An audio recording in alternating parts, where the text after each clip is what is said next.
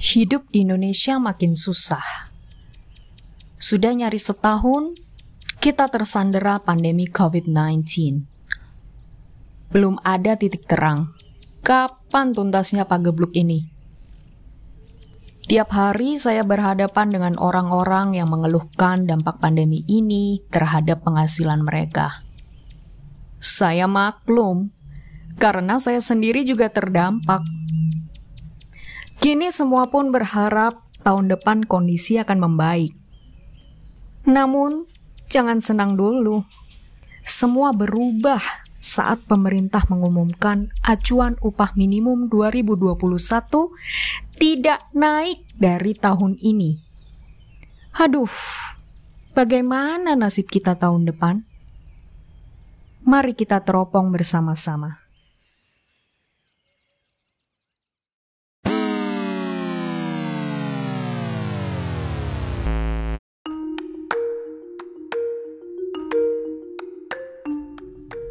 Halo semua, terima kasih sudah mampir kembali lagi di After Our Stock bersama saya, WDH. Di kanal ini saya akan mengulas apa saja yang terlintas di benak saya seputar berbagai masalah sosial dari tinjauan ekonomi real. Hmm, oke. Okay. Besaran upah minimum 2021 sudah diketok oleh pemerintah. 26 Oktober 2020 Kementerian Ketenagakerjaan menerbitkan surat edaran Menaker nomor 11 tahun 2020. Isinya sih tentang penetapan upah minimum 2021. Nah, yang jadi kontroversi sekarang adalah besaran upah minimum 2021 itu sama, tidak mengalami kenaikan apalagi turun dari besaran 2020. Jadi kalau biasanya rata pertumbuhan atau kenaikan upah minimum di Indonesia itu setiap tahunnya sekitar 8% naiknya, untuk 2021 tidak ada perubahan, tidak ada kenaikan. Syukur-syukur tidak diturunkan. Nah, seperti yang saya bilang, saya ulas di episode sebelumnya, sekarang-sekarang ini apa pun kebijakan pemerintah yang terkait dengan penghasilan masyarakat di tengah ekonomi yang lagi iya seperti ini kondisinya itu sensi bisa bikin masyarakat berang. Tapi sebenarnya apa sih tujuan pemerintah? Kenapa kok tidak menaikkan upah minimum? Jadi sebelum kita bereaksi, apalagi memutuskan pro atau kontra, kita cermati dulu, kita timbang-timbang dulu seperti biasa di dalam ulasan After Our Stock. Seperti apa nasib kita bekerja dengan upah minimum yang tidak naik tahun depan? kita kupas bersama-sama.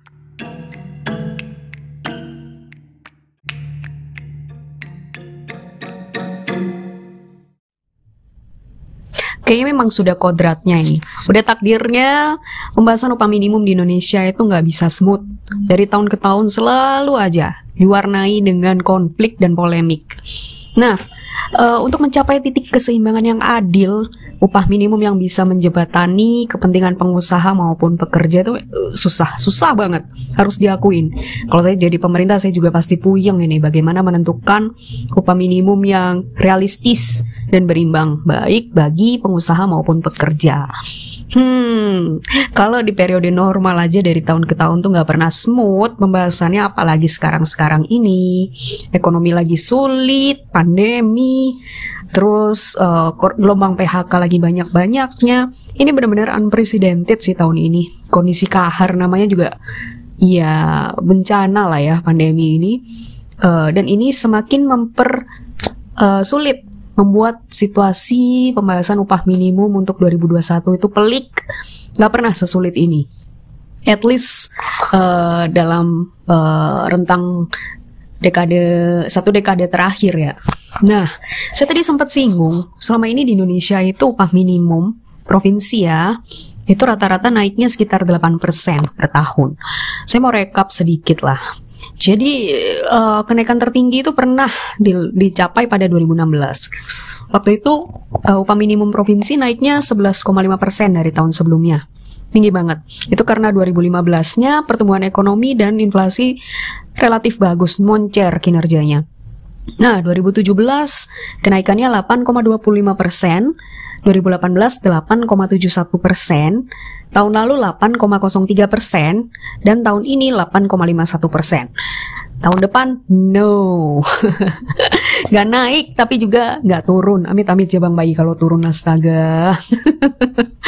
nah, uh, ya surat edaran untuk upah minimum sudah diterbitkan oleh Menteri Ketenagakerjaan Ida Fauzia, tepatnya 26 Oktober. Uh, di dalam surat tersebut, pemerintah menyatakan bahwa uh, pertimbangan kondisi perekonomian Indonesia semasa pandemi, juga pentingnya pemulihan ekonomi nasional itu menjadi faktor utama yang membuat pemerintah akhirnya memutuskan untuk agar penetapan upah minimum tahun depan itu sama dengan upah minimum 2020. Nah, secara resmi nanti tanggal 31 Oktober uh, gubernur harus sudah mengumumkan besaran upah minimum provinsi atau UMP. Kalau yang diterbitkan lewat sudah, surat edaran tadi itu acuannya, tapi realisasi besarannya itu 31 Oktober. Lebih cepat sehari daripada siklus biasanya. Biasanya itu 1 November diumumkan. Tapi tahun ini 31 Oktober karena sehubungan dengan adanya cuti bersama. Nah, ini untuk latar belakang aja. Jadi uh, upah minimum 2021 itu formulasinya didasari oleh peraturan perundang-undangan yang lama. Jadi bukan menggunakan acuan uh, Undang-Undang Cipta Kerja. Nah, pemerintah masih pakai Undang-Undang Ketenagakerjaan nomor 13 tahun 2003 dan juga peraturan pemerintah nomor 78 2015 tentang pengupahan. Meskipun sebenarnya awalnya tuh ada rencana memang bahwa uh, skema pengupahan di dalam UU Cipta Kerja itu akan langsung diimplementasikan untuk upah minimum tahun depan, yaitu dengan mengacu pada salah satu antara inflasi atau PDB. Tapi ternyata aturan turunannya PP-nya belum jadi. PP yang merevisi PP 78 2015 itu belum jadi. Masih dibahas, masih digodok. Sementara waktu sudah semakin mepet, jadi ya dengan pertimbangan itu juga mungkin akhirnya dasar hukum penetapan upah minimum 2021 masih menggunakan peraturan yang lama. Kabarnya sih kalau informasi yang saya dengar katanya finalisasi aturan turunan Ciptaker khususnya untuk klaster tenaga kerja yang soal pengupahan ini tuh paling lambat selesai pada 7 November 2020. Jadi mungkin uh, skema pengupahan yang baru itu baru bisa dirasakan 2022. Jadi ada masa transisi. Nah, sekarang uh, iya apa boleh buat uh, pemerintah sudah menetapkan atau memutuskan bahwa tahun depan tidak akan ada kenaikan maupun penurunan tetap tetap aja upah minimum. Sekarang kita takar deh. Kita mencoba untuk mencari blessing in disguise. Atau mencari uh, apa ya sudut pandang yang objektif dari keputusan tersebut. Saya nggak ingin uh, membenarkan atau menyalahkan siapa pun, tapi kita mencoba mencari uh, poin dari keputusan yang sudah uh, disahkan dan nggak bisa diganggu gugat ini. Oke, saya mulai dari mana ya? Saya mulai dari tuntutan pekerja. Jadi uh, sejak bulan lalu memang pembahasan soal upah minimum ini udah panas, udah rame. Biasa jelang-jelang Oktober itu orang-orang di sekitar Dewan Pengupahan Nasional tuh udah rame dari uh, unsur pekerja, unsur pengusaha maupun dari pemerintah sendiri. Udah mulai berhitung dengan cermat komponen kebutuhan hidup layak, kemudian uh, berapa besaran yang ideal untuk upah minimum, dan seterusnya dan seterusnya. Nah, uh, meski kondisi ekonomi sekarang lagi sulit seperti ini, banyak pekerja, kalangan pekerja, serikat-serikat pekerja itu yang um, memaksa atau mendesak agar kenaikan upah minimum 2021 itu paling enggak bisa 8%, sama seperti uh, tahun-tahun sebelumnya, bisa naik 8%. Meski ideal ya kalau menurut mereka kenaikan upah minimum tuh harusnya 11 persenan untuk 2021. Nah, demikian pula juga dengan KHL, kebutuhan hidup layak. Mereka mengacu pada apa ya Asian Wage Council, jadi Dewan Pengupahan Asia. Uh, di mana kalau di tingkat Asia itu seharusnya komponen hidup layak itu ada sekitar 84 sampai 86-an. Nah, sementara kalau dari kubu pengusaha, mereka menilai, ya ampun, kondisi lagi susah gini, cash flow perusahaan lagi terganggu gini, lo minta gaji naik susah bos. Nah, kayak gitu loh.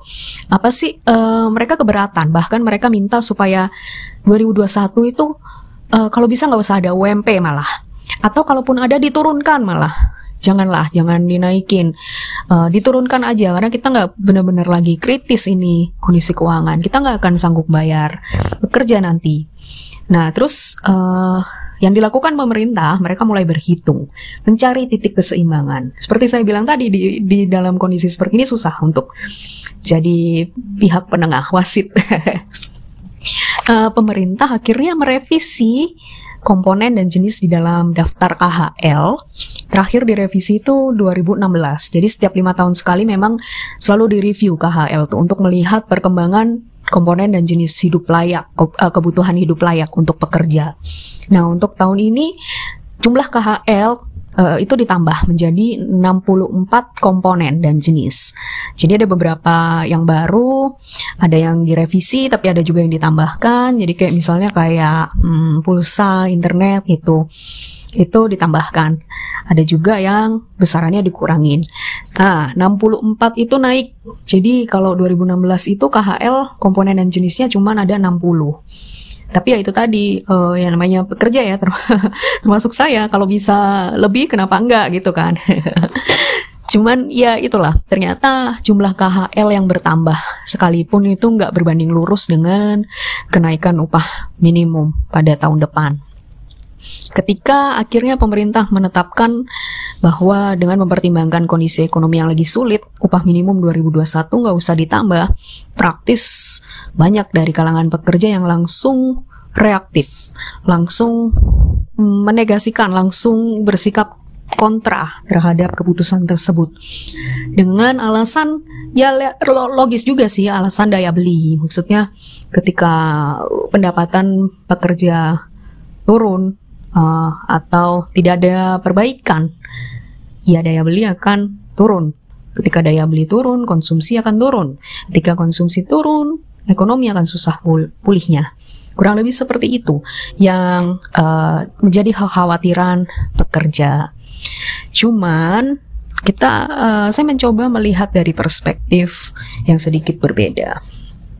Jadi kalau menurut saya upah minimum 2021 yang diputuskan tetap itu akan memberi ruang gerak yang lebih longgar bagi pelaku usaha atau pelaku industri untuk menata ulang bisnis mereka, menata ulang arus kas mereka, dan juga menormalisasi pasar kerja pada tahun depan. Kenapa kok seperti itu? Jadi gini, uh, upah minimum yang nggak naik itu pada tahun depan akan membuat beban pembayaran gaji pegawai oleh perusahaan itu menjadi lebih rasional. Saya nggak bilang ideal, tapi mungkin rasional atau realistis lah. Dengan demikian, harapannya iklim ketenaga kerjaan di Indonesia tuh bisa lebih kompetitif kalau dibandingkan dengan negara ASEAN lain yang sama-sama punya skema upah minimum. Karena nggak semua negara di ASEAN punya skema minimum wage ya. Kayak Malaysia sama Singapura mereka nggak punya. Nah, Uh, melalui skema pengupahan yang lebih realistis di tengah tekanan ekonomi yang berat selama pandemi, pengusaha itu yakin bahwa pemulihan kinerja industri atau sektor pada 2021 itu akan lebih cepat, akan lebih mudah. Selain itu, kebijakan upah minimum 2021 itu juga bakal meringankan beban perusahaan dalam menyerap lagi tenaga kerja yang di PHK, dirumahkan, kena unpaid leave atau cuti di luar tanggungan selama pandemi, selama 2020 ya.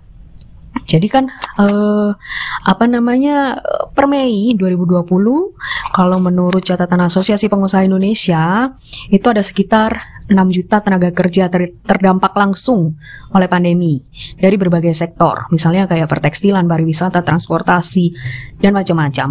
Uh, mereka either dirumahkan, di PHK atau kena unpaid leave, ya yang jelas terdampak lah mata pencariannya.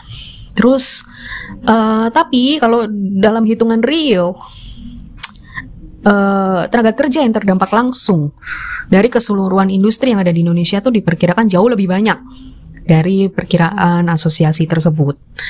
Dengan demikian, uh, ketika tahun depan upah minimum uh, tidak dinaikkan, harapannya itu yaitu tadi uh, pengusaha itu nggak lagi terbebani oleh upah yang tidak realistis sehingga mereka punya ruang gerak untuk mengatur ulang uh, arus kas mereka. Harapannya mereka bisa meng-hire lagi atau menyerap lagi tenaga kerja yang terdampak selama pandemi 2020. Nah, bahkan jika berjalan normal, kecepatan pemulihan pasar kerja itu bisa antara 6 sampai 9 bulan. Nah, banyak sih yang berpemahaman seperti itu. Besaran upah minimum 2021 yang lebih realistis itu juga memberikan ruang gerak yang lebih leluasa untuk perusahaan melakukan pemenahan struktural pada bisnis mereka. Yaitu tadi misalnya salah satunya kan selama ini kan 2020 banyak tuh perusahaan yang mangkas gaji, mangkas karyawan dengan alasan ya mereka harus efisiensi. Di episode-episode sebelumnya saya sudah menjelaskan kenapa kok pemutusan tenaga kerja atau um, apa namanya mengorbankan tenaga kerja itu adalah pilihan rasional untuk efisiensi karena tenaga kerja dan beban upah itu mencakup komponen uh, biaya produksi yang cukup besar. Dia menyusun biaya produksi yang cukup besar. Jadi ketika ada gangguan di cash flow yang paling pertama dipangkas ya itu tadi komponen yang paling besar itu tadi which is upah tenaga kerja. Nah, kalau tahun depan upahnya lebih realistis bagi perusahaan untuk dibayarkan kepada pegawai, mereka eh, nggak uh, perlu lagi menggunakan alasan efisiensi dengan eh kebalik ya menggunakan alasan PHK untuk efisiensi. Nah, jadi mereka nggak akan menambah jumlah pegawai yang di PHK, ibaratnya gitu. Nah, ketika uh, jumlah karyawan yang di PHK itu makin berkurang, bahkan uh, serapan tenaga kerja bisa naik seiring dengan yaitu tadi beban upah yang makin realistis, harapannya konsumsi dan permintaan akan mulai bergerak. Ketika konsumsi dan permintaan mulai bergerak, industri atau ekonomi real itu bisa kembali dinormalisasi. Pabrik-pabrik utilisasinya mulai normal, permintaan karena permintaan mulai naik, akhirnya kinerja industri secara umum bisa membaik. Nah, meskipun demikian ya upah minimum ini hanya akan menjadi salah satu faktor aja sih untuk mendorong pemulihan ekonomi pada tahun depan bukan satu-satunya, tetap harus didorong dengan stimulus-stimulus lain, eh, program-program uh, yang selama ini sudah berjalan uh, dan kurang maksimal, nah itu harus dioptimalkan. Jadi nggak bisa semata-mata mengandalkan upah. Ini cuma salah satu instrumen aja. Masih banyak PR yang harus dilakukan pemerintah. Cuman ini aja itu udah cukup memberi ruang apa yang fleksibel, fleksibilitas bagi pelaku-pelaku ekonomi. Seperti itu. Nah, karena udah menjadi bubur. Sepertinya susah untuk mendesak atau ngotot supaya pemerintah mau merevisi ketetapan upah minimum tahun depan. Harapan pekerja sekarang tertumpu di gubernur. Jadi kalau sesuai dengan UU Ketenagakerjaan bahkan di UU Ciptaker juga ada uh, surat edaran tuh dari Kemenaker itu sifatnya seperti acuan aja, imbauan. Tapi hak prerogatif untuk menetapkan upah minimum tuh ada di tangan gubernur sebenarnya. Biasanya kalau di tahun-tahun sebelumnya masih ada kelentingan bagi gubernur untuk menaikkan upah minimum provinsi di atas upah minimum acuan oleh pemerintah pusat. Kisarannya biasanya satu setengah sampai dua persenan. Nah, jadi uh, beberapa organisasi pekerja itu berharap supaya gubernur mau mempertimbangkan untuk tetap menaikkan UMP 2021 di kisaran satu setengah sampai dua persen, meski upah minimum acuannya nggak ada perubahan, uh, stagnan dari tahun ini. Kenapa kok memungkinkan? Kenaikan UMP satu setengah sampai dua persen itu karena itu didasari oleh perhitungan tingkat inflasi selama Januari sampai Agustus 2020 yang mencapai 0,93 persen dan tingkat inflasi secara tahunan pada Agustus aja yang mencapai 1,32 persen. Nah, dengan perhitungan tersebut seharusnya gubernur masih punya ruang untuk menetapkan kebijakan kenaikan UMP 2021 di rentang satu setengah sampai dua persen. Gak banyak, tapi mending daripada nggak naik sama sekali. tapi ya kita lihat nanti karena eh, sepengetahuan saya beberapa gubernur juga sudah mulai berbicara kayak gubernur DKI Jakarta, Jawa Barat, Jawa Tengah, Jawa Timur uh, Sumatera Selatan, saya belum dengar yang provinsi-provinsi lain seperti apa, tapi mereka-mereka ini yang juga notabene adalah kantong-kantong uh, industri di Indonesia itu mereka sudah menyatakan sikap pemprovnya bahwa mereka akan mengikuti skema atau besaran upah minimum sesuai acuan.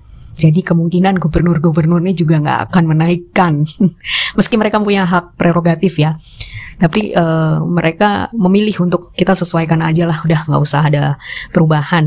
Karena ya memang ekonomi lagi sulit, nanti daripada dipaksa naik, ternyata industri nggak bisa bayar, malah terjadi gelombang PHK yang lebih brutal tahun depan. Nah itu yang dihindari oleh kepala-kepala daerah ini.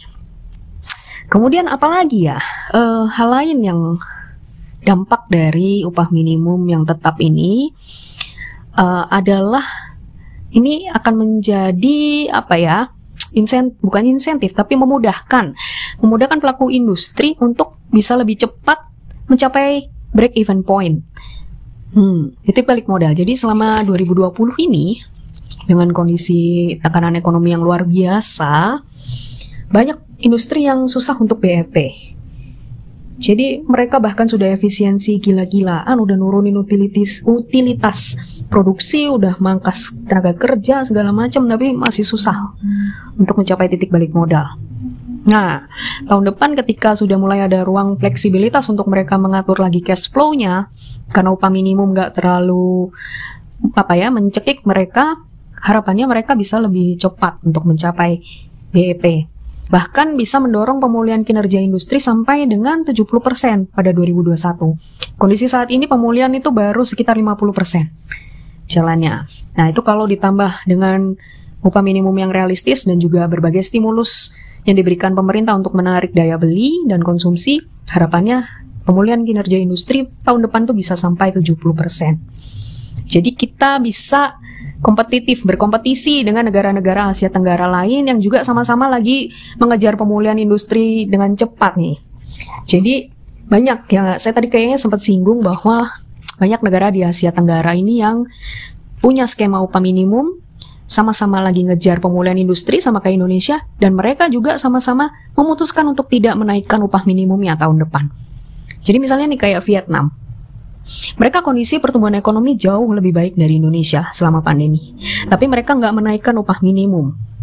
Kebayang kalau Indonesia jadi negara sendirian, yang lainnya nggak naikin upah minimum, kita doang yang naikin. Betapa tidak kompetitifnya, betapa kita akan makin ditinggal oleh investor, nggak dilirik. Mereka nggak mau investasi. Kalau nggak ada investasi masuk, serapan tenaga kerja nggak akan kebuka. Kan gitu. Terus itu tadi Vietnam, terus Thailand. Thailand dengan pertumbuhan ekonomi yang lebih parah dari Indonesia, dalam tujuh tahun terakhir mereka tercatat hanya dua kali menaikkan upah minimum. Tapi kinerja industrinya sekarang sudah pulih 70% dan bisa BEP. Beda sama di Indonesia. Jadi ya itu tadi kita harus selalu melihat negara-negara tetangga juga. Jangan hanya melihat di dalam negeri Indonesia. Memang dalam jangka pendek ini mau nggak mau ini adalah apa ya uh, kebijakan yang langsung berimbas pada penurunan upah pekerja mau nggak mau. Jadi kesejahteraan turun tuh mau nggak mau pasti. Tapi coba lihat alasan realistis di belakang itu. Kenapa ini mau nggak mau harus uh, dibikin seperti ini upah minimum? Harus tidak diubah, tidak dinaikkan atau diturunkan. Syukur-syukur tidak diturunkan. Karena ya itu tadi kita juga butuh uh, untuk lebih kompetitif. Jangan jadi negara satu-satunya yang naikin upah minimum tapi terus mau investasi, mau berbisnis susah akhirnya ekonomi susah balik, serapan tenaga kerja malah uh, seret, gelombang PHK malah lebih parah. Kayak gitu. Tapi saya ingin memaparkan sebuah survei dari Industry Outlook Conference 2020. Nah, ini survei baru sih. Jadi ternyata, jadi kan uh, penurunan upah itu mau nggak mau adalah sebuah keniscayaan selama pandemi. Tapi ternyata meskipun upah orang Indonesia itu turun, mereka tetap optimistis loh sama perekonomian 2021. Jadi di riset IOC itu tadi terungkap bahwa 67,6 jadi hampir 6,68 persen masyarakat Indonesia itu mengaku pendapatan mereka turun akibat tekanan ekonomi selama pandemi hanya 28,4 persen masyarakat yang tidak terdampak atau tetap-tetap aja pendapatannya. Dan ini nih yang uh, populasi yang langka nih hanya 4 persen yang justru naik gajinya. Nah, tapi dari survei itu, meski mayoritas masyarakat Indonesia upahnya berkurang, menariknya mereka tetap optimistis bahwa ekonomi akan segera pulih pada 2021. Jadi, sebanyak 47,2 persen masyarakat Indonesia masih optimistis pandemi akan bisa diatasi pada 2020 dan 51,4 persen masyarakat Indonesia yakin bahwa keuangan dan perekonomian akan mulai pulih pada 2021. Jadi, ya, kita sepertinya harus menerima bahwa berkurangnya upah itu adalah konsekuensi logis dari tekanan ekonomi ini. Kita harus melihat dengan bijak mengapa konsekuensi logis itu terpaksa harus kita terima untuk kita bisa melompat lebih jauh. Ibaratnya tahan nafas sekarang supaya bisa bernapas lebih panjang nanti. Kira-kira seperti itu uh, sikap saya atau pandangan saya dalam polemik seputar upah minimum 2021 ini. Semoga ini sedikit membantu Anda tercerahkan sedikit kalau tidak ya tidak apa-apa karena setiap orang berhak untuk memiliki pendapat dan opininya masing-masing. Oke, okay? uh, eh, mungkin di lain kesempatan saya akan membahas isu-isu lain seputar polemik yang terjadi di tengah masyarakat dan permasalahan sosial lainnya, tetapi dalam tinjauan ekonomi seperti biasanya.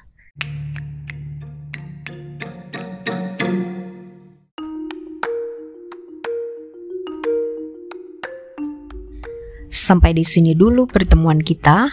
Jangan lupa, After Our Stock akan update tiap malam pada penghujung hari untuk menemani waktu santai Anda. Silakan subscribe atau follow akun ini jika Anda menikmati kanal kami. Sampai berjumpa di lain kesempatan. Dadah.